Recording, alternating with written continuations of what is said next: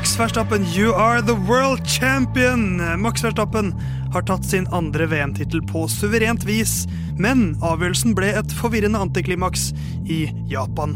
Hva skjedde egentlig rundt omkring på Suzuka, og hva har egentlig skjedd med budsjettet til Red Bull? Lyden av Curbs forsøker å skape litt klarhet i ukens episode.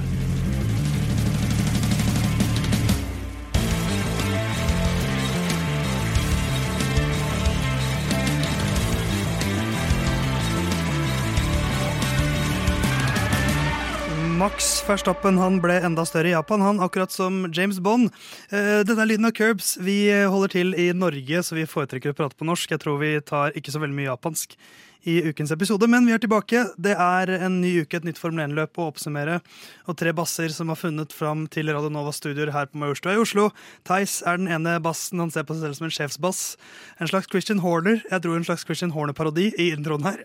Eh, For han fikk ikke sagt det til Max Verstappen på den måten han liker å gjøre det i søndagens løp. Men jeg er her, og det er jaggu trofaste Jon Halvdan også. Hei på deg. Hei, hei, hei, Theis. Eh, Jeg har et lite ønske om at dette ikke, også dette skal bli en James Bond-episode, fordi jeg vet ikke om jeg orker mer Yesh.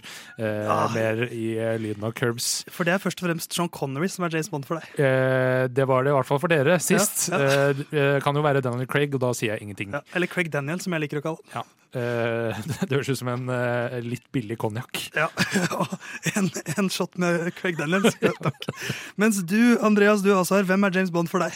Hvem er James Bond for meg? Nei, um, nei det, er jo, det er vel han Daniel Craig, da. Han som er nå. Ja, ikke sant? For sånn har det blitt. De unge folka i dag, sånn som meg.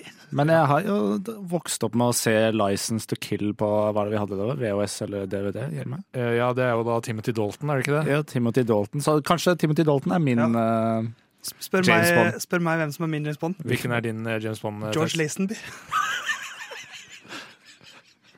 At den referansen går rett over huet på meg. Han, som, han var en modell som hadde Han hadde vel én James Bond-film. Så hans uh, credentials var han var kjekk.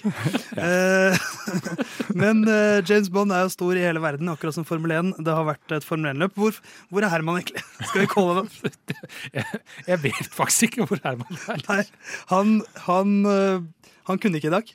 Eh, Jeg sendte han en melding og spurte kan vi ringe deg i løpet av sendinga. Eh, Han kun, kun, kan kun ringes fram til 1925. Eh, Og da, Det ble litt for tidlig, så det blir ikke noe Herman denne uka. Men han, kanskje han er den nye James Bond? Kanskje. Det hadde vært det første rødhåra James Bond.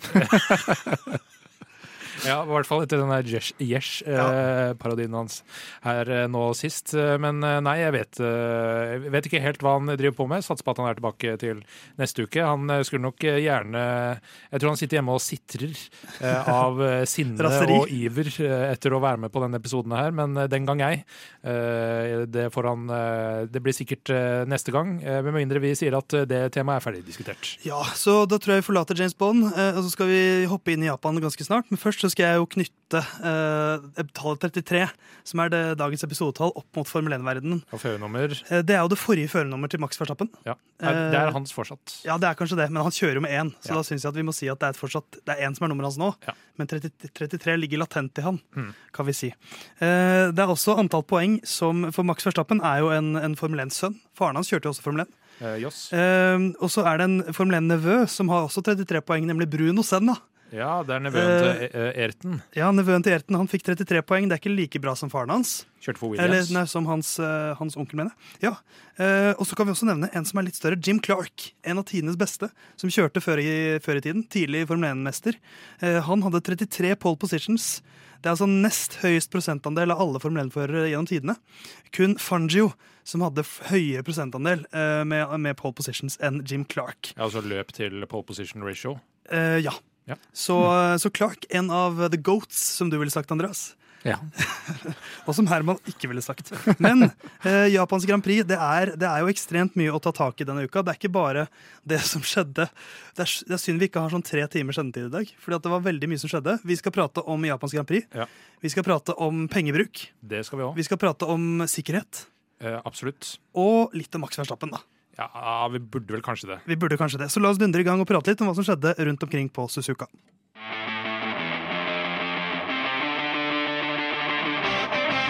Ja, da var Max Verstappen blitt verdensmester for andre gang. Eh, han vant Japans Grand Prix, eh, og det har vært løp i denne helgen. Eh, Japan, der Max Verstappen vant Japans Grand Prix. Ja. Men eh, det er ikke sånn jeg kommer til å oppsummere Japans Grand Prix, for vi begynner jo ja, alltid har du starta klokka? Eh. For vi begynner jo alltid våre løpsoppsummeringer med å oppsummere løpet på 60 sekunder. Eh, og denne gangen var oppgaven min. Eh, og da har jeg 60 sekunder til å oppsummere et veldig sånn rart løp. Forrige uke så gjorde Jon Hofland et dikt. Herman gjorde det på litt alternativt vis. Jeg har bare gått for en vanlig en. Jeg. jeg har skrevet et manus som jeg skal lese opp nå, på sikkert litt mer enn 60 sekunder. Men Andreas tar tiden. Du får, du får starte oss, Andreas. Ja, klar, ferdig, gå. I 2014 snubler et barn inn i en Formel 1-bil på Suzuka-banen i Japan. Plutselig er det Free Practice 1 og Formel 1-karrieren til Max Verstappen begynner, tre dager etter at han fyller 17 år. Syv år senere tar han sin første VM-tittel. Året etter kan han avgjøre sin andre tittel på nettopp Suzuka. Pole position og start på søndag med interdekk på den våte asfalten i The Land of the Rising Sun. Nederlands sjåførsønn starter dårlig, men beholder ledelsen inn i første sving. På andre runde van vannplaner Carlos Sainz og mister kontrollen, rødflagg. Pierre Gasly og resten av gjengen unngår heldigvis gråtassparodien som plutselig skjuler seg bak regnskuren i Japan, og to timer og 15 minutter etter den første starten starter Japan Grand Prix igjen. Max Verstappen har relativt grei kontroll resten av løpet, som plutselig slutter grunnet tid etter kun 28 runder, selv om alle førerne trodde man skulle ha kjørt 29 runder. I de siste svingene kløner Charles Clair og pådrar seg en tidsstraff som dytter ham ned til tredjeplass bak Perez. Men siden det ikke er kjørt nok runder til at fulle poengsummer blir delt ut, så lever VM videre til USA. Hva, hva sier du? 25 poeng til maks, men han blir verdensmester. VM er avgjort. Er du sikker? Hæ? Der tror jeg vi tar den. Det var sikkert litt mer, men det får så være. Ja, det var, eh, det var ikke bare litt mer, Theis. Nei, men jeg tenkte at dette var et langt løp, så jeg ga litt faen denne uka, faktisk. Jeg, jeg trodde også du var ferdig litt tidligere, så jeg vet ikke om det blir et straffesekund her. For jeg stoppa den litt, Det- det og så tar starta den igjen. Og så Jeg tar straffesekund, men hva ble det? Ja, Det er altså Altså eh, Er det så vondt å det, si? Ja, det er, det Ja, er si- det flotte tallet 69 sekunder. Det er perfekt. Men vet du hva? Fordi at jeg kunne ha rusha gjennom den på slutten, men av dramaturgiske grunner så tok jeg heller en straff for Men- å få gjennom den forvirringen. Ja, det, Ja, og, og straffen kommer nå, for det, det skal rundes opp ett sekund. Så det Ah, blir det er 70. 70. Shit. Ja. Uh, og vi anerkjenner det, Theis, men det blir ikke noe eh, sekundrabatt av den grunn. Men jeg er helt ute av den konkurransen her uansett. Men eh, Max Verstappen vinner uh, på ganske sånn overlegent vis. Og da har han jaggu blitt verdensmester igjen. Eh, men på litt forvirrende vis. Eh, kanskje vi kan Skal vi ta det først? Skal vi starte med det kompliserte? Altså, det var jo eh, litt sånn Eller, eller la, la oss aller først. Eh, Andreas, når skjønte du at Max Verstappen var verdensmester? Ja, jeg var litt sliten på morgenen på søndag, så idet han var over målstreken og jeg så hvem som ble topp ti, så skrudde jeg av. Ja. og så gikk jeg og lagde frokost, og så satte jeg meg litt på PC-en, og så gikk det en time eller to, og så sa jeg det. Ja. du, Jonathan? Eh, nei, eh, jeg satt jo under løpet, og eh, jeg har lagd et sånn der eh, Excel-regneark eh, hvor jeg holder følge med hele sesongen. Du er så kul, du, ja. Ja, eh, så kul er jeg. Det koser jeg meg med på fritida. Eh, og jeg vet jo da at det er litt komplisert når ting blir annerledes, sånn som rare poeng osv. Så, videre. Eh, så jeg satt eh, underveis i løpet og så på den grafikken som jo hele tiden viste at Max fikk kom til å få 25 poeng. Eh, Syns at det var veldig rart, fordi jeg så på Sky-sendingene, og David eh, Croft han eh, drev hele tiden og eh, siterte eh, poengkolonne to, eh, eh, som ble til poengkolonne tre. Eh, som skulle da gi maks 19 poeng til eh, Max. Eh, og så ser jeg jo da Johnny Herbert som sier til Max at du, da må vi ha et nytt intervju med deg fordi du er verdensmester. Eh, trodde vel ikke helt på at det stemte da.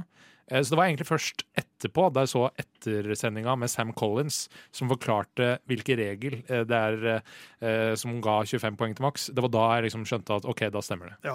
Jeg er litt i samme båt som deg, Andreas. Jeg så løpet ferdig. Eh, Så at uh, Max gikk i mål, så alle gikk i mål, så at Leclerc dreit seg ut og tenkte at ja, da blir han sikkert nummer tre, men det går fint, det. Da er fortsatt uh, ett løp til. Satt på pause. eh, gikk inn og vekket min samboer og lå der litt og bare scrolla på og liksom bare prata litt. Så tok jeg opp mobilen og var sånn Å ja, se her, ja. Eh, så gikk jeg tilbake og fortsatte å, å trykket på player, og så fulgte jeg bare sendinga videre. Ja. Eh, Så det var, jo, det var jo en forvirrende og en utrolig antiklimaktisk eh, måte dette ble avgjort på. Men hvorfor Jon Halvdan, var det da slik at alle trodde at dette kom til å bli et løp til.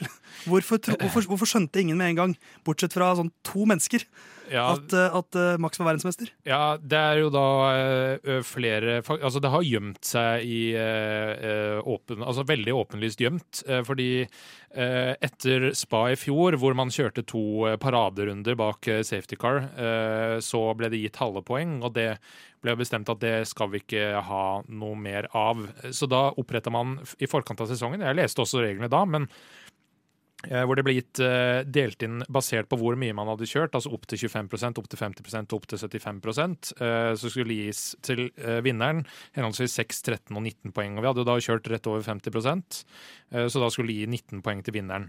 Eh, Men eh, da er det eh, et eh, ord, eller fire ord, i starten av eh, regel eh, nummer 6,5, som er eh, hvis et løp er av, eh, altså pausa i, i, i samråd med artikkel 57, og ikke kan starte igjen, da skal det gis disse poenga.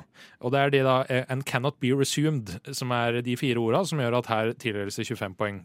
Eh, Og dette var jo åpenbart det, det er ikke gjort ved et uhell, fordi orda står der, men dette var ikke intensjonen. Eh, laga, som jo har godkjent de nye reglene, de ante ikke at det var sånn.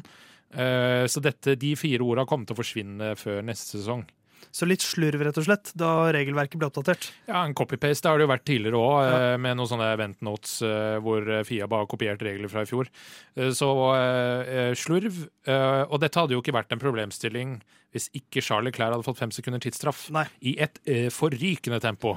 Ja, eh, ja, for det var også en faktor her. At, eh, at forrige uke eller foreløp så brukte man lang lang tid på å finne ut om Perez skulle få straff eller ikke. Ja. Eh, Mens her var det ikke så lang tid man brukte.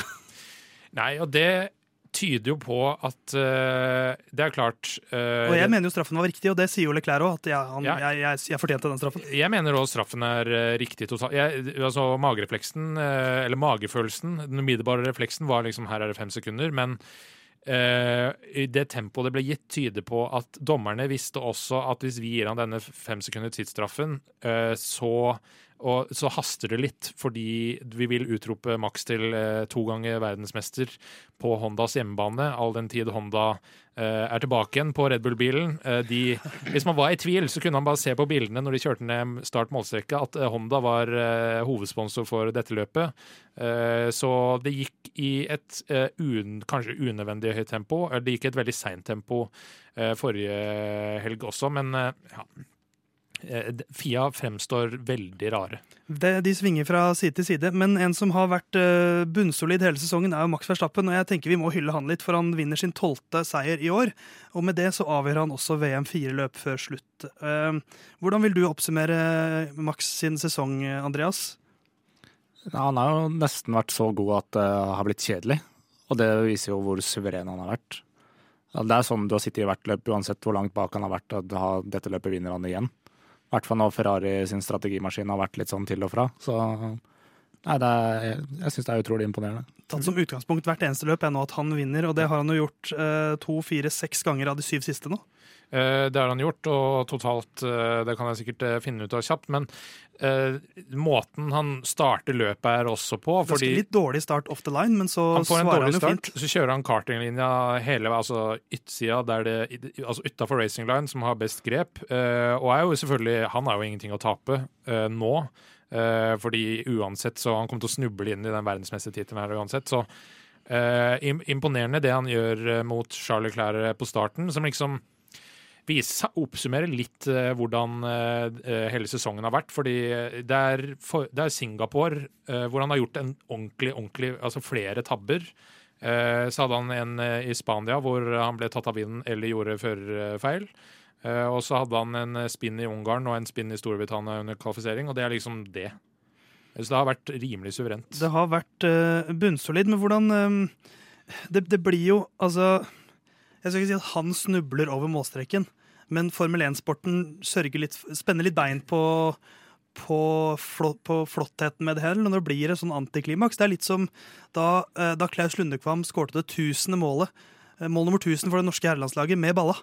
Eh, At det var liksom det skulle vært en, et langskudd fra 30 meter i krysset. Um, og så blir det en sånn forvirrende sak, og det er ikke bra for Formel 1, er det det, Andreas? Nei, det er jo ikke Det ble, liksom ikke den der eh, festen det kunne ha vært, da. Eller eh, ja, får ikke den der uh, stemninga i bilen og alle de tinga der, reaksjonene og sånn. Det blir For min del også ble det sånn Ja, ja nå vant han. Å ja. oh ja. Det ble, det ble mer sånn å ja, hæ? Ja, Sånn som jeg forsøkte å f eh, frammidle med de 69 sekundene, eller 70 sekundene. ja, det var nesten Altså, den tonen hadde jeg i hodet da jeg så det. Ja, ja, da Ja, for, for jeg var sånn altså, Jeg, jeg syns jo det var flott at Christian Horner ikke fikk eh, sagt eh, Max Verstappen you are the world champion. Sånn at han elsker, han elsker å stjele litt eh, spotlighten Ja. når hans lag gjør det bra, som er forståelig, men som irriterer meg litt. Men, men samtidig så er det jo det, det, det, er jo det er jo aldri positivt når ingen skjønner hva som skjer, når det avgjøres. Nei, og Selv lagene visste jo ikke hva altså Selv Red Bull var jo som du så eh, Max i, i cooldown room etterpå, som var sånn Hæ? vi mangler et Er du sikker? Jeg tror jeg mangler ett poeng her. Ja, nå kan du gå inn i verdensmesterrommet. Uh, er du sikker på at jeg skal inn der? Uh, ja, ja, det skal du. Så credit to Max, han er jo, Ja. altså, men, men jeg, jeg tror ikke han er skuffa, på en måte, for han, altså, dette er ikke, en, det er ikke en spurt, det er en Ja. maraton, og han har jo leda maratonen nå i, med fem, seks, syv minutter med en kilometer igjen. Ja, og Han har jo syntes det har vært eh, litt eh, Han sa vel etterpå at det, det var litt morsom måten det endte opp på, men det, er, altså, det fremstår veldig rart. Amatørmessig. Ja, ja, Supperåd. ja, man bruker så mye penger og ressurser, og eh, alt skal være liksom eh, så eh, regelstyrt, og så klarer man liksom ikke å bare formidle Altså for seerne, da, hvis de kunne sendt ut en tekstbeskjed øverst Hvis løpet fullfører nå, så blir det fulle poeng. og så kan man henvise til hva som helst. Men uh, uansett uh, for, for meg så det er helt greit. Du kommer sikkert til å høre Christian Horner si 'you are the world champion' etter USA. Ja. Uh, bare fordi. Idet eh, Max setter seg inn i bilen i FP1 Ja. nå i USA, så We didn't get to do this. For det er viktig, selvsagt. Men, eh, nei, men det, jeg er helt enig, det er rart at det ikke er mer At, at lagene selv sitter og tror eh, det vi tror. Og at ikke Fia da sitt, kan liksom kommunisere ut at nå er det dette som gjelder. Nå, i, altså, i, i, I fotball du får jo vite hvor mange tilleggsminutter det er. Det er Ja, ikke sånn at de må tippe. Men det, Så- det er jo litt rart. Det ble jo litt spekulert på TV-skjermen av kommentatoren og sånn, om, i hvert fall på Sky sin side på F1 TV. At ikke de kan ta, få sendt ut en melding. Altså, Fia må jo Det må jo være sitte noen der som hører hva de sier. Ja, skulle tro det. Men, eh, men uansett, Max Verstappen er verdensmester. Eh, Men det, det ble et kort løp, men et veldig underholdende løp med mye sportslig eh, å ta tak i, så la oss gjøre det nå.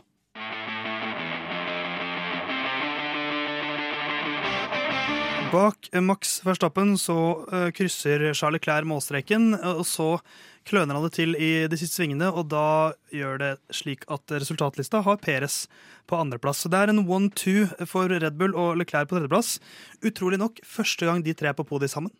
Eh, Det høres feil ut. ja, det høres Men det er stemmer riktig. Ikke. Det, det- nei, det kan ikke stemme. Det. Det kan ikke stemme, men det stemmer. Men, uh, men de har jo en durabelig fight, de. eh, Og jeg så et bilde av uh, dekkene til Max Verstappen etter målgang og dekkene til Charlie Clair. Og den, den, den, Ferrarien, den Ferrarien den spiste de interdekka levende, så det er ikke rart at Perez pusha litt på slutten der. Men, men det gode løp av begge to, egentlig. Syns jeg. Ja, eh, Med det, kanskje ikke av Perez, eh, gitt målstokken han måles mot, men eh, but still. ja, de tapte jo med 20, henholdsvis 27 og eh, ja, 31 sekunder med tidsstraff inkludert på Leclerc. Nå Leclerc holdt veldig tett følge når man endelig kom i gang igjen med de siste 41 minuttene eller hva det var igjen av løpet, da eh, det endelig starta igjen. Eh, som vel eh, med fasit i hånd eh, ikke var kanskje det lureste han eh, kunne gjort. For da eh, hadde han fordelt tempo litt sånn eh, mer utover, så hadde han nok klart å holde stand mot Peres bedre. Og Mattia Benotto sa vel også det at de pusha for hardt eh, de første rundene på eh, da de skifta fra wet til inters. Eh, Men han holder jo stand egentlig hele veien mot eh, Peres. eh, og det er på det, det som da er eh, siste runde, altså på veien i Casio-triangelet, som er den der siste sjikana, så eh, bremser han litt for seint og kutter over, og får da eh, fem sekunder for eh, leaving the track and gaining a lasting advantage. Ja, Lite å si på den straffen. Uh, Ja, akkurat straffen uh, Den kom veldig fort, men straffen i seg selv støtter jeg. Ja, og så er det spørsmålet om han skulle fått for det, eller denne uh, pushinga ut etterpå. men totalt sett, da, i den situasjonen der, syns jeg fem sekunder er helt fair. Eh, og det syns jo, som du nevnte tidligere, Leclerc også. Eh, og Peres gjør et greit løp. Han er jo ikke i nærheten av lagkameraten, men det er det jo ingen som er om dagen. Nei, men han kan jo nå Han klatrer jo da opp på andreplassen igjen for seier i Singapore, andreplass her. Mens Leclerc har da andre- og tredjeplass i de samme løpene. Så er det da slik nå at Peres er på 253 poeng og Leclerc 252. Ett poeng, altså. Så det er jo spennende om andreplassen her, Andreas. Hvordan tror du den dynamikken utvikler seg nå de neste fire løpene? Nei, det kan det bli Det er jo noe av det som er spenninga igjen. Det er å se hvem som blir nummer to. Hvem blir og, nummer to i hvert løp bak Max? Ja, ja hvem som blir, nummer blir nummer to og nummer tre. Men jeg mener jo er, altså, Du kan gi Ferrari litt kritikk, eller, eller klær, altså, kritikk for å pushe for hardt, da, men det, jeg syns det er litt eh, fint da, at de, kjemper til siste slutt. Da. Nå er det over, men uh, det om Det var fortsatt sannsynlig før eh, løpet i Japan. og jeg, jeg, liker at han, at han, går litt sånn uh, japansk sisu Nei, det er finsk, det. Uh, uh, finsk sisu og prøver å liksom tenke at OK, fuck it. All or nothing, Hail Mary. Vi prøver. Hvis vi ikke tar en maks her og får track position, da kanskje vi kan vinne det løpet her, i hvert fall. Ja. og så gikk det ikke altså, om VM ryker her eller i, i USA eller Mexico eller Det er lenge siden det egentlig røyk. Ja. ja men, men Charles har lyst til å vinne løp, ja. og, det, og, da måtte han henge på maks. Ja, det kan jeg jo for så vidt støtte. Uh, altså, det det på en måte ligger på, er hvor viktig er andre kontra tredjeplass for han. Uh, vi er jo veldig opptatt av at det er veldig viktig for begge to, fordi det er masse spenning igjen, også de fire siste løpa av sesongen. Uh, mye gøy å snakke om. Men uh, det er jo ja, tre jeg, poeng flere til spiller ikke så mye rolle. Jeg tror at Leclerc vil heller, heller vinne ett løp til ja, enn å bli nummer to, med ja. å bli nummer to i alle løpene. Ja, Så spenninga er om Leclerc vinner. Nei, men, men, men, det blir jo spennende å se. Nå ser det ut kanskje de skiller seg ut i kampen der. Um, og så er det jo ganske jevnt mellom Russell og Science nå. De har 207 og 202 poeng. Uh, Hamilton 180. En uh, frustrerende eh, dag på mange måter for, uh, for Hamilton, som blir fightende med Ocon gjennom nesten 28 runder. Ja. Uh, fart på langstrekkene mot uh, rutine og talent uh, og en bil som, og mangel på DRS. Men det var jo veldig gøy å følge den duellen, syns jeg. Men var det noen av dere som trodde at dette taper Ocon? Nei. Nei. Nei, fordi altså, Mercedes hadde ingenting. Verdens treigeste bil på langstrekkene, men den gikk jo som eh, stabbed rat gjennom svingene. Men det hjalp jo ikke når du kom ut på det ene strekket der det var liksom mulig å komme forbi. Mm. Så, men, men, en, men, en, kul duell og en veldig fin fjerdeplass på Ocon, ja, det må vi jo si. Men kanskje enda gøyere var den fighten mellom Fettel og Alonso på siste runde, som vi ikke fikk se på TV. Men som uh, det var et hundredel cirka som skilte dem. Ja, ja. Uh, hadde målstreken vært 50, tre meter lenger framme, så hadde Alonso blitt nummer, uh, nummer seks, blir det vel da. han gjør jo det som blir et genistrek, da, for han etter at de kom i gang, så var det alle må starte på wet, altså de våte dekka, som de hater. Fire sekunder ca. treigere per runde enn interdekka. Og så Eh, er det såpass eh, hard eh, bane på dekka at mange sliter med å holde oppe tempoet. Men Alonso da går inn og pitter en gang til, og ender vel opp Eh, ja, på rundt sånn 11.-10.-plass og kjører seg opp i et helt sånn voldsomt tempo uh, til han er ja, en meter lenger unna startmålstreket, så har han tatt sjetteplassen fra ja. Fettel. Så er det jo, så syns jeg Jensen Button på Team Skies, eller på Sky-kommenteringa skal ha for at alle hyllet, alle hyllet Alonso da han gikk inn. Og da sa, da sa Button jeg tror det er én runde for sent. Ja. Og hadde han hatt én runde til, så hadde han tatt uh, ja, ja, ikke, Fettel enkelt. Så der var, er bøtten god, altså. Det var rundt ja. uh, tre sekunder uh, differanse fra gamle inters til nye inters. Så det er jo et, det er ganske mye, mye mer tid per runde man bruker på de gamle dekka. Det ble åpenbart der. Men bak de, de aller beste så tar George Russell en åttendeplass. Uh, nei, ikke åttendeplass, det var i kvalik. Uh, men han blir nummer åtte i løpet også. Uh, Latifi Latifi, Nicolas. Han tar sine første poeng. Nå er han nummer 20 i VM, ikke nummer 21 som han var. Uh, bak Nyk de Vries. Nå er han foran de Vries og Hulkenberg. Uh, jeg, syns, jeg syns det var litt fint, jeg, Andreas. Kanskje hans siste Formel 1-poeng. Ja, du har jo vært en stor uh... Jeg, jeg syns jo at altså, ja, For å si det først, han fortjener ikke på talent å være Formel 1, men jeg syns han er en fin fyr. Ja, det... Og jeg liker at han får en farvelgave. ja, det kan du jo si. Det, um Nei, er det, jeg er, den eneste her som syns det? det, er, det er jo Nei, nei. altså relativt imponerende at eh, er et menneske her også. mann uten talent klarer å holde seg der oppe. Men så nå har det nettopp vært mental, mental awareness-dagen. Ja, Eh, og da, og det, og da prata jo Latifi litt, og alle førerne, om, det, om, om eh, mental helse i en video. Og han har fått mye dritt, altså. Ja, ja. Så det er litt derfor også at jeg unner han det. Men, men det eh, skal eh, gi skryt for så vidt av han, men han gjør jo litt han får beskjed om å lage, da, fordi de er blant de aller første som går inn og pitter. eh, Så han henta veldig mye tid på det, mens de andre kjørte rundt på våte dekk en til to runder til. Eh, og så eh, var det vel en eh, reel fra, fikk jeg fra Herman tidligere i dag, kanskje du òg gjorde det, Theis, med eh, sammenligna sammenligna Latifi med eh, Toto Wolff, som aldri har kjørt i Formel 1, eh, Louis Hamilton, som aldri har tatt poeng i en Williams. Williams, og Ayrton Senna, som aldri har fått smakt Nutella. Eh, Så han har noe på alle de tre. Det har han. Eh, Men en annen, for vi, vi, er, vi, vi gir som regel mye dritt til canadierne, som er Latifi og Stroll, men vi må hylle Lance Stroll litt også. Han blir nummer tolv i løpet, så får jo null poeng, men han har en start som viser faktisk nok en gang at når det er vått vær, så er Lance Stroll en god Formel 1-fører. Altså. Han er det, ja, men sånn uten ironi. Han er god Ja. på vått føre. For hva gjør han her, Jon? Eh, nei, altså Han er jo det modigste Det er det, noe av det modigste jeg har sett i Formel 1 på veldig lang tid. For han eh, starter jo da eh, i eh, det som er eh, Nå skal jeg P18. P18. Er Altså Han legger seg ut på innsida, innsida altså nesten oppå pitwall, eh, og bare dundrer forbi alle bilene på innsida der. Eh, så han tar seg opp eh, til eh, altså, Nå skal jeg bare finne nøyaktig hvor langt han kommer seg opp. Eh, tar seg opp til ellevteplass. Altså sju eh, plasser tar han seg opp eh, på den manøveren der. Eh, på vei inn i sving én. Eh, ingen ser noen ting, men han legger seg ut der ingen andre kjører, så da har han klar bane. Eh, veldig, veldig imponerende. Noen vil si dumdristig, men jeg, hvis du der hjemme ikke har, ikke har fått med, sett den starten, søk på Lance Stroll uh, Japanese Grand Prix 2022 Start. Den er verdt å se, for han ser ingenting. Men, ja, for, for, for det er modig. Men jeg syns også at dette, dette, er bare, dette er noe som eh, en som ikke frykter for jobben sin, kan gjøre. For han vet at uansett hva han gjør, så kommer han til å ha det setet neste år også. Ja. Og Ja. neste år også, så lenge faren hans vil. Så han, det, det er jo faktisk en fordel som Lance Stroll har i sin karriere, at han vet at plassen hans er like trygg som at uh, Lawrence er faren hans. Ja. Og det er jo det er faktisk en stor fordel. Sånn som Mick Schumacher slipper jo det Eller har jo ikke den friheten, Du mener han slipper det nå? på, på en måte. Ja, apropos Mick Schumacher, så var jo Ralph ute og ga Has litt krass kritikk med strategien de valgte med å holde han utpå der så Ja. lenge som de gjorde. De sa jo at vi går for en safety car, og jeg kan jo på en måte Jeg har jo sagt at jeg vil ha mer sånn Hail Mary-taktikk fra de dårlige lagene, så jeg likte jo egentlig det litt.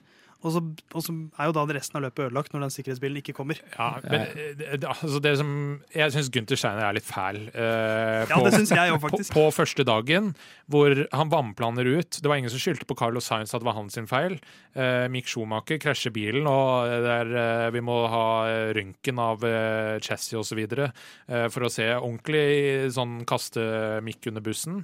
Eh, og så, eh, Det tror jeg er noe av grunnen til at de heller ikke For ordentlig Hail Mary, Hail Mary hadde vært å gjøre som det Williams gjør, ta han inn på første runde med en gang.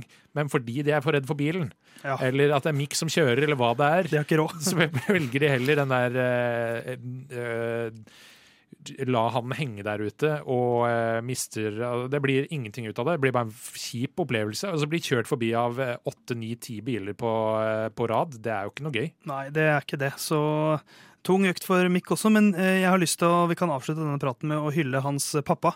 Eh, Ikke Michael, men hans reservepappa, nemlig Sebastian Fettel. Ja. Som eh, vi hoppet litt for raskt over, kom jeg på nå. For han kvalifiserer seg niende best i kvalik, som er veldig bra i den drittbilen av Aston, når vi har med at Lance var nummer eh, 19 i kvalik, faktisk. Han blir jo da nummer 18 etter en, en gridstraff.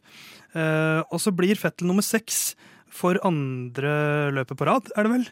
Eh, og sørger for at Aston Martin fortsetter å klatre. Og nå er de syv poeng bak Alfa. Fint at Seb får en sekser eh, her, eh, på en bane han liker veldig godt. Så gøy å se. Her kjører han veldig bra. Ja, og, Fikk uh, veldig fin hyllest av fansen også. Ja, det, det er vel kort inn på japanske fans. Det der å være full kit wanker uh, det, Mer av det, vær så snill. Jeg elsker det. Uh, Men uh, Fettel sa jo at han kommer gjerne tilbake for en ettløpssesong på Suzuka, for han er veldig glad i den banen. Jeg tror, han liker jeg tror det er hans favorittbane. Og da er det jo veldig gøy da, at det går både bra i kvalik og i løp uh, generelt. Så jeg, jeg har ikke noe imot at han holdt seg de elleve hundredelene foran Eller tusendelene foran Alonso. Nei, så det var et, et vakkert øyeblikk der, syns jeg, med Hamilton, Fettel og Alonso på plassen etter hverandre i, i, løpet der, og så Verstappen på toppen. Så det var veldig mye vakkert i Japans Grand Prix. Det ble et kort løp, men et veldig veldig gøy et, det var synd det ikke ble lengre. Mm. Men det er jo noen elefanter i rommet her som vi ikke har prata om rundt Japans Grand Prix, nemlig eh, Gråtass-parodien. Ja. Sikkerheten er det verdt å diskutere litt nå.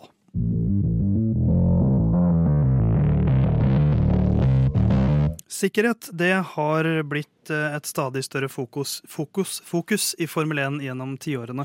Eh, jeg nevnte jo tidligere i sendinga at 3. oktober 2014 eh, så hadde Max Verstappen sin første Formel 1-økt. Da eh, var han 17 år gammel. To dager senere så hadde Jules Bianchi sin siste, dessverre. Det var Japans Grand Prix, og han mistet kontroll over Marussia-bilen sin på veldig vått føre og kjørte inn i en traktor som jobbet med å fjerne en annen bil.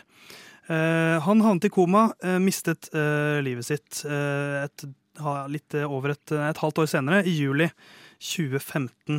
Um, og så er vi her i 2022, Jon Halvdan. Og det snakkes mye om Jules Bianchi hvert eneste år. Og hver eneste gang sikkerhet prates om. Og nå er vi på banen der det skjedde. Og så er det litt sånn grøsninger når man får litt déjà vu plutselig. For hva skjer her? Idet Carlos Sainz spinner, så skjer det mye på én ting på, på, på, en gang. Ja, uh, altså det er jo uh, Han uh, spinner ut, og så har du Albon som sin bil som bare stopper. og Science han kjører jo da ut på venstresida av veien i det som er Dunlop-svingen. Det er altså da etter de S-ene. Og det er jo da på høyresida av de S-ene der Gilles Bianchi kjørte ut. og Science han tar med seg da et reklameskilt som Gasli kjører inn i. Uh, og han blir nesten kjørt ned av Hamilton nå, som kunne vært en stygg ulykke i seg sjøl, fordi Formel 1-biler tåler godt å krasje inn i vegger, men de tåler ikke så godt å bli krasja inn igjen etterpå de har blitt krasja inn i vegger. Eh, Gasly eh, kommer inn, bytter frontvinge og kjører ut. og Det er liksom det siste jeg eh, ser av det på en stund, hva det var som skjedde der. Og så ser jeg etterpå, når det er røde flagg, at han er ordentlig sånn rasende inni, inni pit lane. Og syns liksom det var kanskje litt rart at han var så sur for et reklameskilt. Eh, men så kom jo bildene, og de begynte jo å sirkulere på Twitter før òg, at han krasjer jo nesten inn i den traktoren som eh, løfter opp bilen til Carlos Sainz eh, på omtrent samme sted som Jules Bianchi krasja inn i en traktor. Og eh, da eh, det, altså det, er jo ikke rart at eh, Gasly blir forbanna. Uh, jeg ble sur. Uh, mange blir veldig eh, opprørt over det. Alle førerne har gått ut og sagt at sånn her kan vi ikke ha det. Eh, og så svarer jo da Fia med at eh, Pierre Gasly er under etterforskning for å ha kjørt for fort eh, under safety car. Ja, og det, for Hvis jeg har plukket opp detaljen rett, så får han den for et annet sted på banen, egentlig. Ja. Men, men det er jo fortsatt uh, Det blir jo det, det, det, føles ut som sånn whataboutism. At sånn når, når, man blir anklaget for noe, så ja, men hva med deg, ja? ja. Det er jo sånn det føles. Uh, og har, har, man ikke lært noe her, Andreas? Det virker jo virkelig ikke sånn. Men, hvis man, altså jeg anbefaler alle å se bildene av når han kjører forbi. Det kan man finne ganske greit på YouTube. Det så jeg på igjen i dag. Og det, det er et sånn halvt sekund hvor du bare du ser traktoren, og så er den borte igjen. Og det Ja.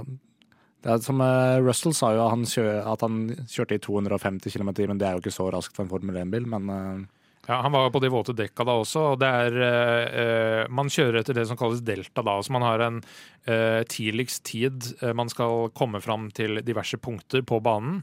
og Det var, var, vel rundt syv sekunder under det. Så han kjørte ikke for fort. Nei. Og det er ønskelig at når man er under safety car og ligger langt bak, så skal man ta igjen liksom så fort som mulig, bortsett fra der det er eh, doble gule flagg. Eh, altså Uansett hva det er som har skjedd her, Eh, enten har Race Director eh, sendt ut den traktoren her med eh, mannskap for å plukke opp bilen til Science med andre biler på banen, eller så har de gjort det på eget initiativ. Uansett så er det liksom en ganske stor skandale, og det er blitt såpass mye pushback på Fia at de kom ut med et statement der de sa at de skulle se på hva det var som skjedde her, men de har ikke lagt seg langflate. Nei. Nei, for det, det er Og det, det, må de. De må, de må stå skolerett her, for dette er jo uh, det, det, er, det, det, det blir så symbolsk også. Det er på samme, det er på samme bane, i, liksom, i våte forhold. Det er liksom det, det er déjà vu, bare at det går bra denne gangen. Uh, og det er så små marginer. Uh, det, altså Carlos Sainz hadde jo spunnet på samme strekket. Hva hvis, uh, hva hvis Gasly gjorde det samme? Ja, ja, det, er, altså, det, er, det, er, det er ingen unnskyldning. Eh, Det skal bare ikke skje. Eh, og eh, vi, har, vi, har, vi snakker jo mye om det. Altså, det er ganske feite biler nå fordi sikkerhet er såpass viktig, og da kan man liksom ikke det, det er ikke mulig å gjøre liksom bilene kollisjonssikre mot å krasje med lastebiler og traktorer og andre ting som er på banen. Og det er det eneste måten man kan liksom sikre seg mot det, er at de aldri er på banen samtidig som Formel 1-bilene. Så, så det, der er vi vel alle på samme side, at der må noen skjerpe seg, og det er Fia. Og det eh, jeg, jeg tenkte på det samme da jeg så hvor sint Gasly var. At, eh, at hva har skjedd her, Pierre? Nå, nå er det noe beef innad i laget, tenkte jeg kanskje. Ja. Men, eh, men han sa jo at I could have killed myself. ja. For han eh, husker jo godt hva som skjedde. Ja. Så, så det var synd. Eh, Noe annet som er jo ikke farlig på samme måte, men som også på en måte handler om sikkerhet, er jo at eh, det blir en stor utsettelse av løpet her. Etter det som skjer eh, med Så stopper jo løpet, og så tar det to timer og et kvarter før de starter igjen. eh, På grunn av regnvær. For Ja. andre helg på rad. Så, så, så får, og her får man ikke et ordentlig Altså man får et ordentlig løp, men det blir et veldig kort løp. Ja, vi snakka om dette her bare etter Singapore også, Ja, så men det blir jo litt samme, men Det gjør det. Vi snakka om det etter Monaco. Men nå- er Formel 1 liksom nødt til å ta et ordentlig oppgjør med seg sjøl. Skal vi, eller skal vi ikke kjøre når det regner? Ja. Eh, fordi eh, hvis vi er såpass eh, værradarsene under løpet på å se etter liksom åpninger i regnet før man eh, starter igjen, da er man også nødt til å se på må vi starte det to timer tidligere, eller må vi kjøpe, kjøre lø- løp dagen før fordi værmeldingene viser sånn og sånn. Fordi det kan ikke være sånn at folk drar litt på løp og ikke får se løp pga. Litt, ja, altså, litt regn. Altså, det, ble jo, eh, det var jo mye regn, men det var jo tider i løpet av helga hvor det ikke regnte. ja, det var det. Var det. Og så og så er det jo på en måte ikke det at øh, altså For utfordringa her er jo sikten, virker det som. Det er det førerne klager på. Ja. At de ser ingenting. Eh, og da, blir jo, da kommer jo sikkerheten inn. Ja, Det er punkt én. Og punkt to er at de våte dekka er såpass mye tregere enn interdekka. eh, Som Pirelli, Mario Isola i eh, Pirelli eh, har sagt vi kan utvikle bedre dekk, men ingen, Ingen vil vil teste ha det. Ingen vil ha det, ingen vil teste det, vi, de vil ikke bruke tid på det. Nå har vel eh, Max Verstappen vært ute og sagt at han kan hjelpe Pirelli å utvikle våte Jeg våte kan kjøre dekk. på våte resten av sesongen. jeg. Det fint. Han har bare begynt med Sidequest nå, Ja. når han fullførte hovedoppdraget. Men, men da er det jo sånn at våte dekk spruter tre ganger så mye som interdekka. Og når de da klager på, på sikten på interdekka, så kan du se for deg åssen det hadde blitt med våte dekk. Ja, men, ja, men man må Jeg, Men, jeg men, men likevel, men likevel. Det må man bare finne en løsning på. oss. Eller så må man, som, som du sier, man må være ærlig med oss som, som seere at, at nei, vi kjører ikke i vått vær. Nei. Da må man si det. Det var en tid bare for et par år siden hvor jeg gleda meg alltid til det var ja. regnløp, fordi det blir kaos og eh, rare løpsvinner osv. Men nå gruer jeg meg, Ja. fordi det er ikke sikkert det blir løp. Så øh, nei, hva skal man gjøre, Andreas? Må vi, må, må vi tvinge fram flere våte dekkutviklere? Nei, Vi får bygge stadion rundt hver eneste bane da, og Takk. få lagt tak over, sånn at vi får løp hver eneste gang. Så det ikke blir noe kontroverser eller eh, Ja, Det ikke, noe støy rundt eh, om det blir kjørt eller ikke. det er ikke dummeste ideen jeg har hørt. Og vet du hva, Andreas? Nå er jeg veldig takknemlig som programleder, for nå legger vi været bak oss. eh, Så får de bygge tak over alle eh, arenaene. Og så skal vi prate litt om budsjettaket.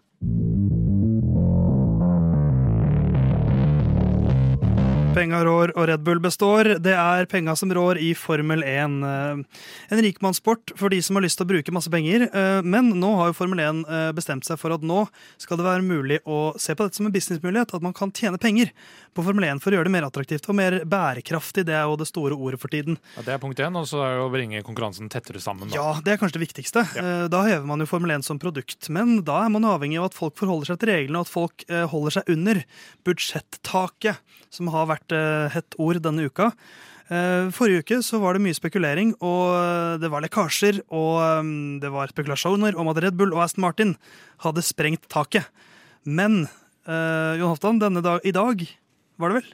Eh, I går, I går, i går, mandag, da vi, vi spiller inn på tirsdag. Ja. Eh, mandag så blei det klart at eh, Aston Martin har gjort en slags sånn Gjort en feil. Eh, mens Red Bull har gått over. Ja. Eh, Kan du fortelle oss litt, Jon Halvdan, hva har skjedd? Nå fikk du jo kortversjonen av meg. Ja, jeg kort- på en måte. traileren. Eh, nei, altså Rundt Singapore så begynte ryktene å eh, snurre om at eh, to lag eh, Jeg vet ikke helt hvem det var som eh, starta ryktene, eller det vet vi jo ikke uansett, men Toto Wolff var iallfall veldig på.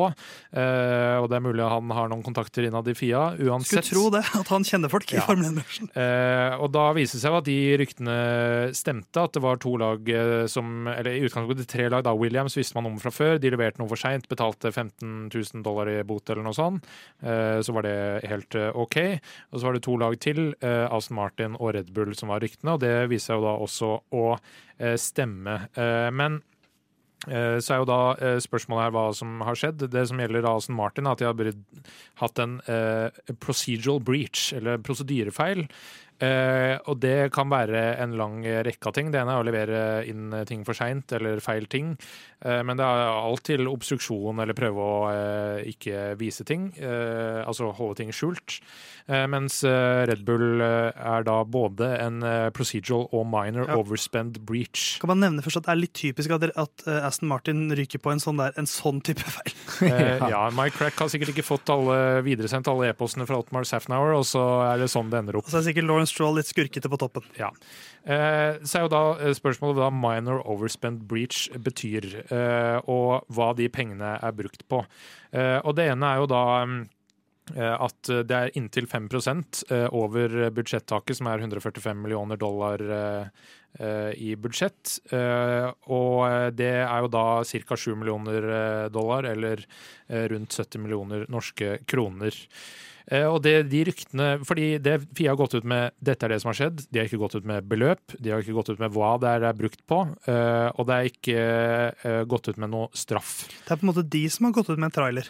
Ja, de har gått ut med en trailer. Vi har fått uh, oppskriften, oppskriften på en kake, men ikke fremgangsmåten eller steketid og, osv. Uh, så videre. Eh, så er jo da uh, noen av ryktene uh, Altså det svirrer en million rykter om hva, hva er det de er brukt på, eh, hvor mye penger er det over. Eh, og det er jo eh, maksimalt 7 millioner dollar. Eh, det jeg har sett, er sånn én til to millioner dollar, men det kan også være eh, 100 000, selv om da tror jeg kanskje de hadde sagt det. Eh, Men da eh, noe Hovedryktene som gikk først, eh, det har vært at de har brukt det på catering og sykepenger. Ja. Og det er jo sånn Det er jo for så vidt greit nok, det. Sykepenger skal visst ikke være inkludert uansett, så det kan ikke stemme helt. Eh, det er heller ikke forskjell på eh, røde penger og blå penger. Nei. Penger er penger. Så eh, hvis man har brukt mer penger på det, så har det gått til noe annet. Det blir som å skylde på den siste dråpen i begeret for Ja. at eh, begeret renner over. Det er egentlig de andre dråpenes skyld. Ja, Det var, ja, det var som jeg så, det var ikke Michelin Tires, men Michelin Meals Christian Horner helst ville ha. Ja.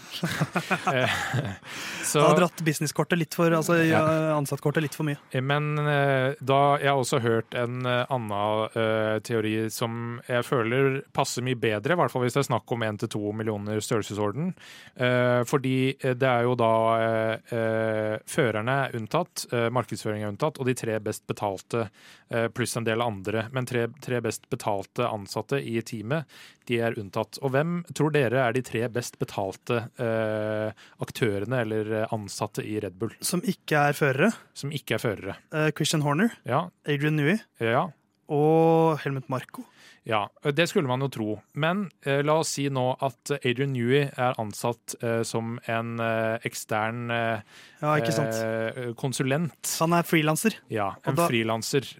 Eh, hvis Red Bull har prøvd å argumentere for at han er en ansatt, eh, men Fia mener at nei, han er ikke ansatt, så han er ikke unntatt, så tilsvarer nok det rundt 10-20 millioner i overspend på lønna hans, vil jeg tro. Eh, så jeg kan se for meg at det kanskje er der eh, skoen trykker. Eh, og da det er liksom vanskelig å bli så veldig forbanna over det, syns jeg, hvis det er det som stemmer. Fordi de mener at han er ansatt, Fia mener at han ikke er det. Ja, det, en, det er en fordel å ha Adrian Newey i laget, men uansett så i praktisk betydning har det ikke så mye, annet enn at man da har hatt mer penger. Men hadde han vært ansatt, så hadde det ikke betydd noe. Nei, ikke sant.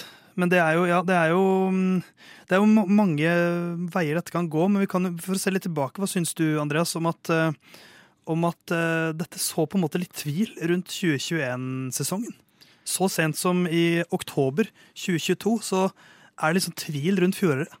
Ja, det er jo Det skaper jo en tvil som eh, i utgangspunktet vi ikke trenger mer av, rundt hvordan det forrige sesong utarta seg. Nei.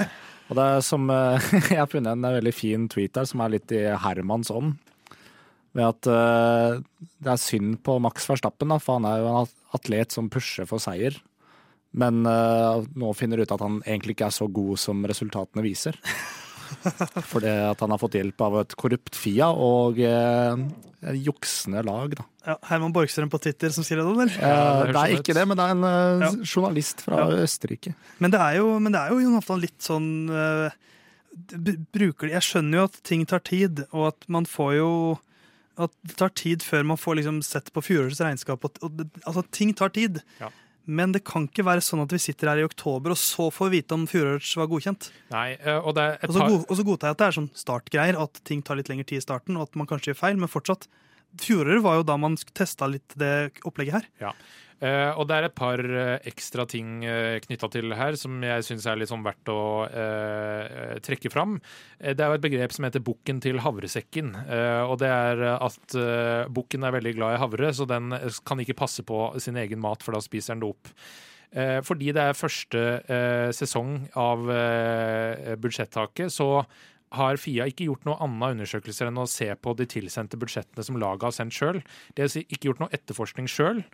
Eh, og Red Bull har levert noe de mener er under, uh, og det er jo en formildende, iallfall uh, med hensyn til det Ross Braun sa, da at disse reglene skulle ha tenner, var at det var hvis det var fraudulenty, altså at man prøvde å skjule det. For det har jo ikke Red Bull prøvd å gjøre her, annet enn det er noen rom for tolkningsdiskusjoner. Men det er jo også ni andre lag som bare kunne sende inn det budsjettet de vil, og Fia tar det for god fisk. Og det Eh, og inkludert Red Bull, at man skal ta budsjettet for god fisk, det vet jeg ikke helt om jeg syns så veldig mye om. At, de skal, eh, at det er en selvjustis innad i laga som ikke har selvjustis på noen ting, eh, så lenge det er gråsoner å utnytte. Ja. Eh, hva skal man si, ikke bare Formel 1-historien, men sportshistorien har vist at er det mulig å eh, utnytte seg av smutthull og bryte regler hvis man ikke blir passa på, så skjer det. Ja. Så eh, her kommer det til å bli en straff. Og da er spørsmålet hva blir den straffen? Vi får uh, drodle litt.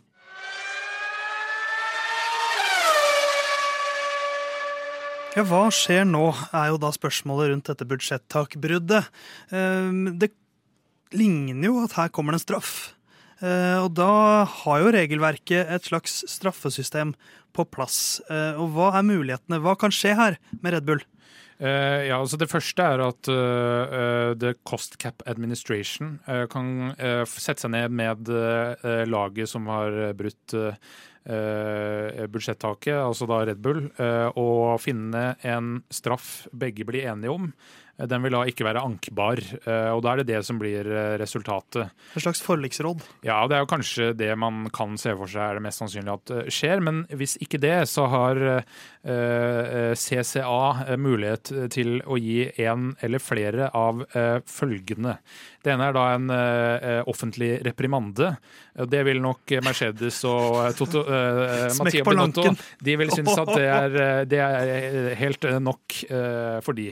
Eh, Neste på lista er da eh, reduksjon av konstruktør- eller førermesterskapspoeng for sesongen hvor bruddet fant plass. Altså, da- 2021. altså og da blir det plutselig ganske pikant, når det er en mulighet. Det eh, er en mulighet, og eh, her er jo da lesers notat at eh, jeg kan ikke se for meg at de gjør noe med førermesterskapet fra 2021. Nei. men, Men, bare at den muligheten er der. Den er der. Det er ganske pikant. Ja, det er det. Eh, og så er det, som jeg syns egentlig er en litt sånn fascinerende del, det er da suspensjon fra én eller flere deler av én eh, løpshelg eller flere løpshelger, men ikke løp i Ja. seg sjøl. Så de kan si dere får ikke FP1. Eller Eller dere får ikke kvalik. Ja. Så du må starte fra pit. Uh, ja, for eksempel. Eh, og da er da uh, begrensninger på muligheten for å gjøre eh, aerodynamiske tester, eh, altså da vindtunnel eller sånn CFD, som er eh, vindsimulering. Eh, og til slutt da en reduksjon i eh, budsjettaket for neste sesong. Eh, og det er jo eh, da eh, selvfølgelig hva som er mest sannsynlig her.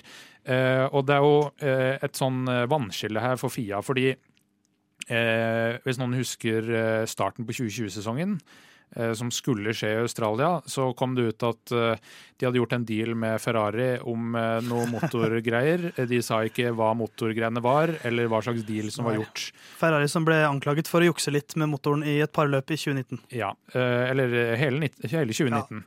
Uh, og så, uh, eh, så Fia, åpenhet tror jeg vil være viktig her for at dette skal fungere. Uh, og så eh, må det være en straff eh, som svir nok, men ikke eh, kan få et lag som holder eh, 20% av bilene til å vurdere å trekke seg ut av Formel 1.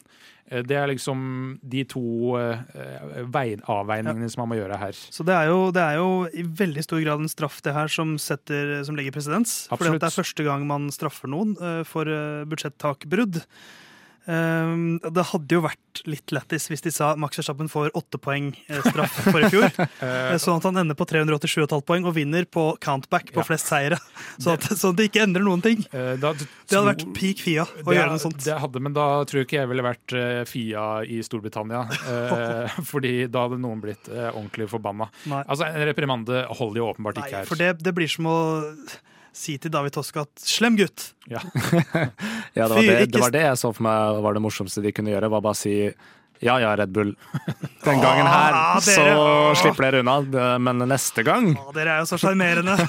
Helmut Marko der som går Den ut og eh, energidrikken dere lager, den er ekstremt god. Ja. Så. Så nei, den, den har vi null tro på. Og jeg, jeg vet ikke. Altså, det, det oser jo kanskje litt forliksråd her. Eh, men det er jo litt avhengig av hva, hva Fia tenker, da. Men hva, hva, hva er den mest realistiske straffen, tror du, Jon Halvdan? Eh, mest realistiske straffen Altså, eh, det, det jeg jo kanskje ser for meg, er en reprimande pluss en båt. Eh, men det er heller ikke utenkelig at Red Bull blir f.eks. diskvalifisert fra konstruktørmesterskapet i fjor. Jeg tror ikke de kommer til å røre førermesterskapet, fordi det er såpass betent, og de sparka Michael Massi for det. Og, altså det er Og pengene ligger jo i konstruktørmesterskapet, Ja. så det er på en måte Det er jo den man vil smekke, først og fremst. Og det er minst PR for det. Og jeg er veldig jeg- altså, Jeg skjønner at det står her, men at vi skal ha sesonger som avgjøres i oktober året etter, det er jeg ikke noe eh, fan av. Konstruktørmesterskapet har ikke like mye PR, altså det betyr jo noe, men eh, at eh, uavhengig av hvem det var Nå var det Max som vant i fjor, eh, og jeg er Red Bull-fan, så Max, Max Verstappen-fan.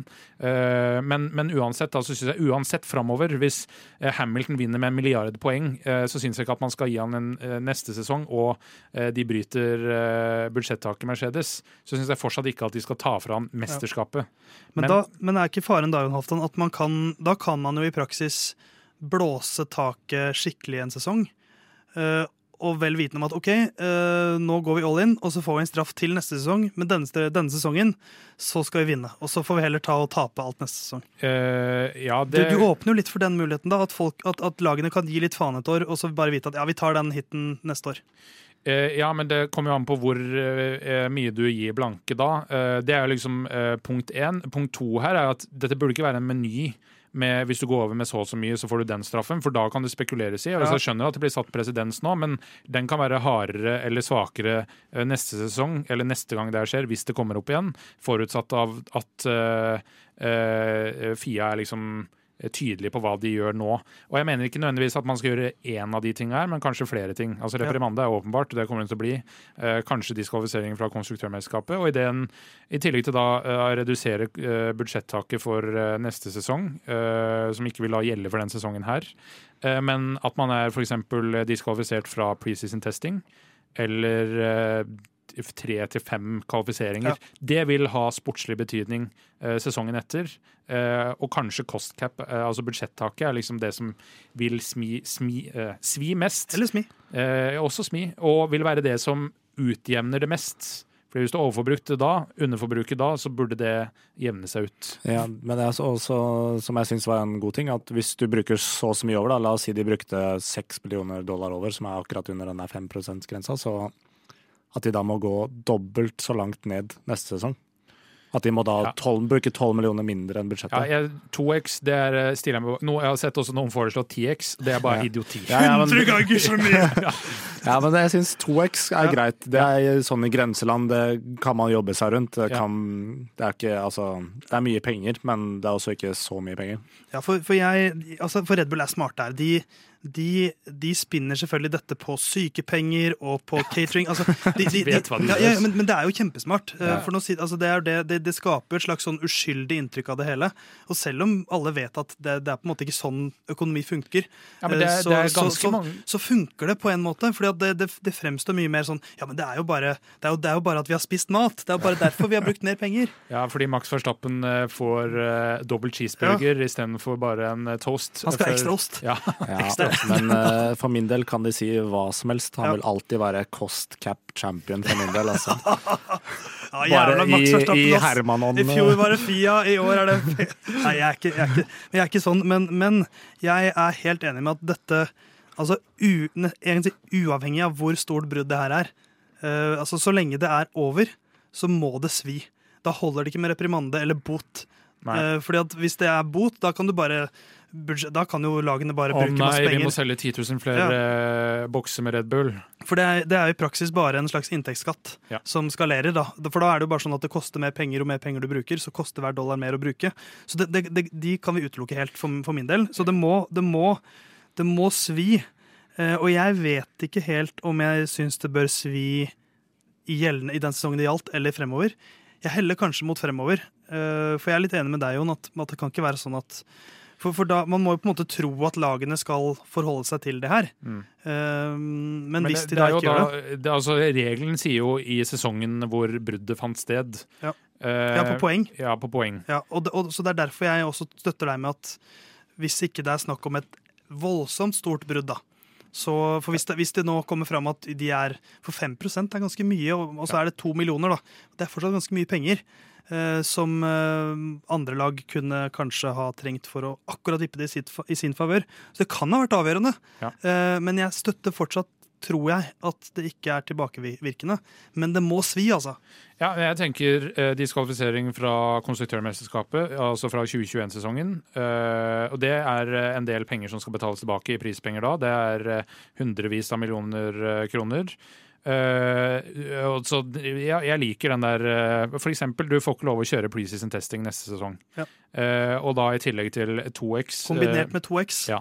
Skal, skal vi lande på, Er det, er det lyden av Cup sin straff? At neste sesong, eh, hvis det da stemmer at Red Bull har gått over budsjettaket, to ganger så mye penger mindre budsjettak neste år, og ingen preseason testing. Også fullt lagbilde med at vi brukte for mye penger på mat-T-skjorter. Og null ost på burger for Ja. Max Verstappen neste år. Ja. Der har vi den offisielle straffen. Og så kan vi jo ta Herman sin, da, som kommer til å være eh, Drep eh, alle. eh, Red Bull må selge begge laga, og Christian Horner må henges. Red Bull, og Red Bull må selges til Burn, bedriften.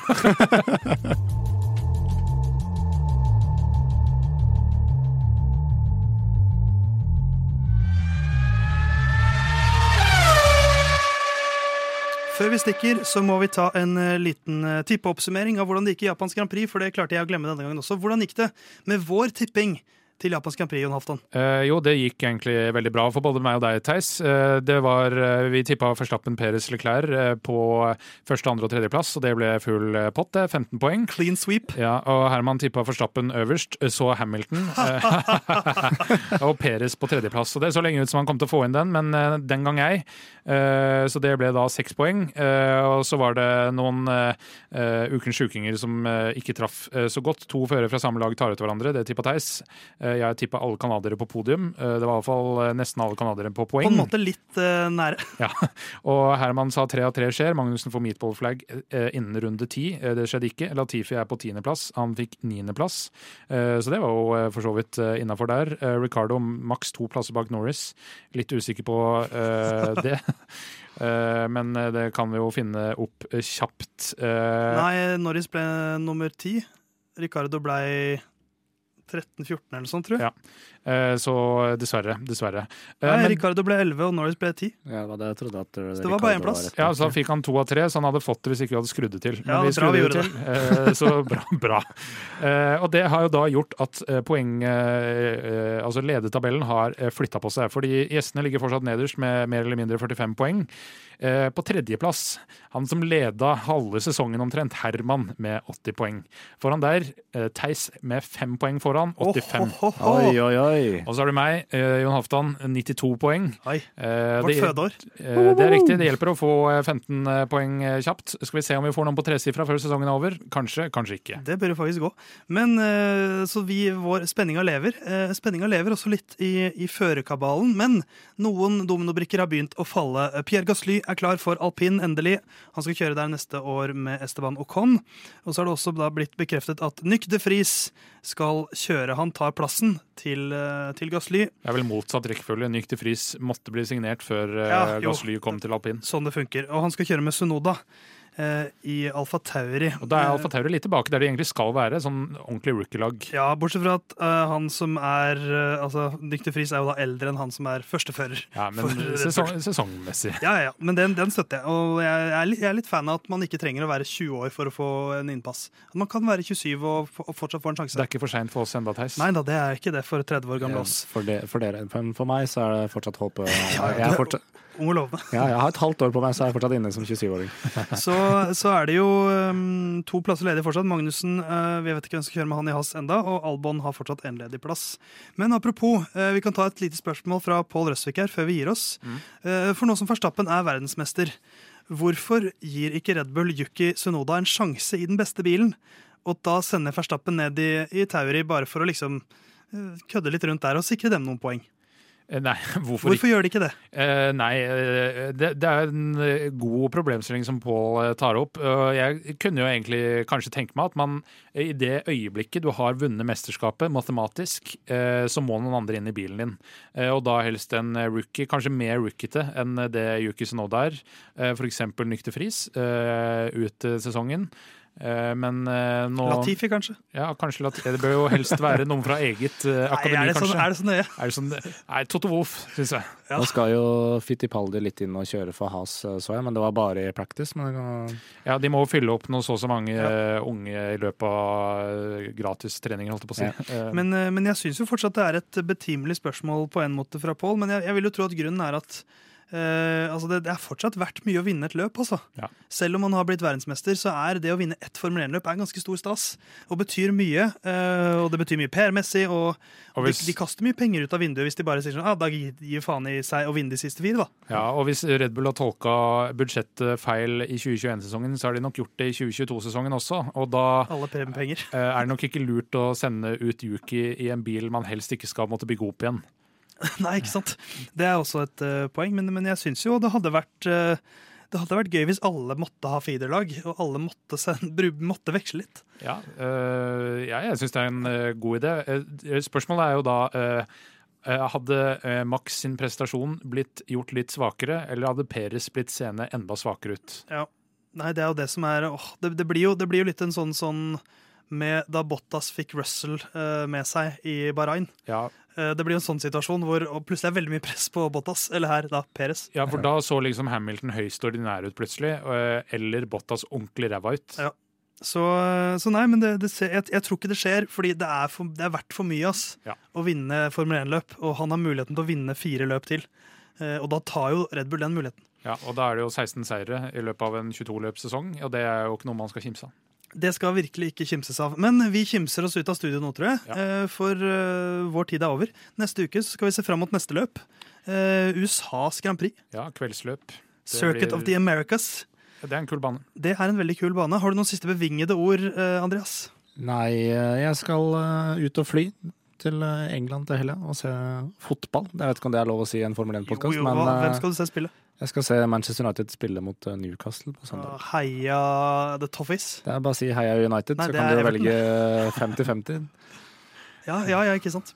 Nei, jeg heier United. Hva med deg, Jon Halvdan? Noen siste bevingede ord? Uh, ja, Det var jo veldig deilig å ha gått nesten en full episode uten å snakke om Drive to Survive eller fotball. Men da eh, fikk vi lurt inn på slutten. uh, men se for dere Sheffield United. Uh, nei, vi tar, vi tar den der. Følg oss på Instagram. Lyden av Curbs heter vi der. Vi er tilbake neste uke. Da skal vi se mot eh, USA.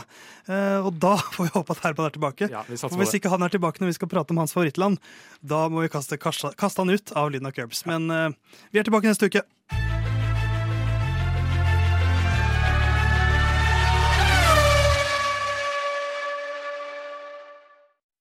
Good luck this weekend, Stroll. Thanks.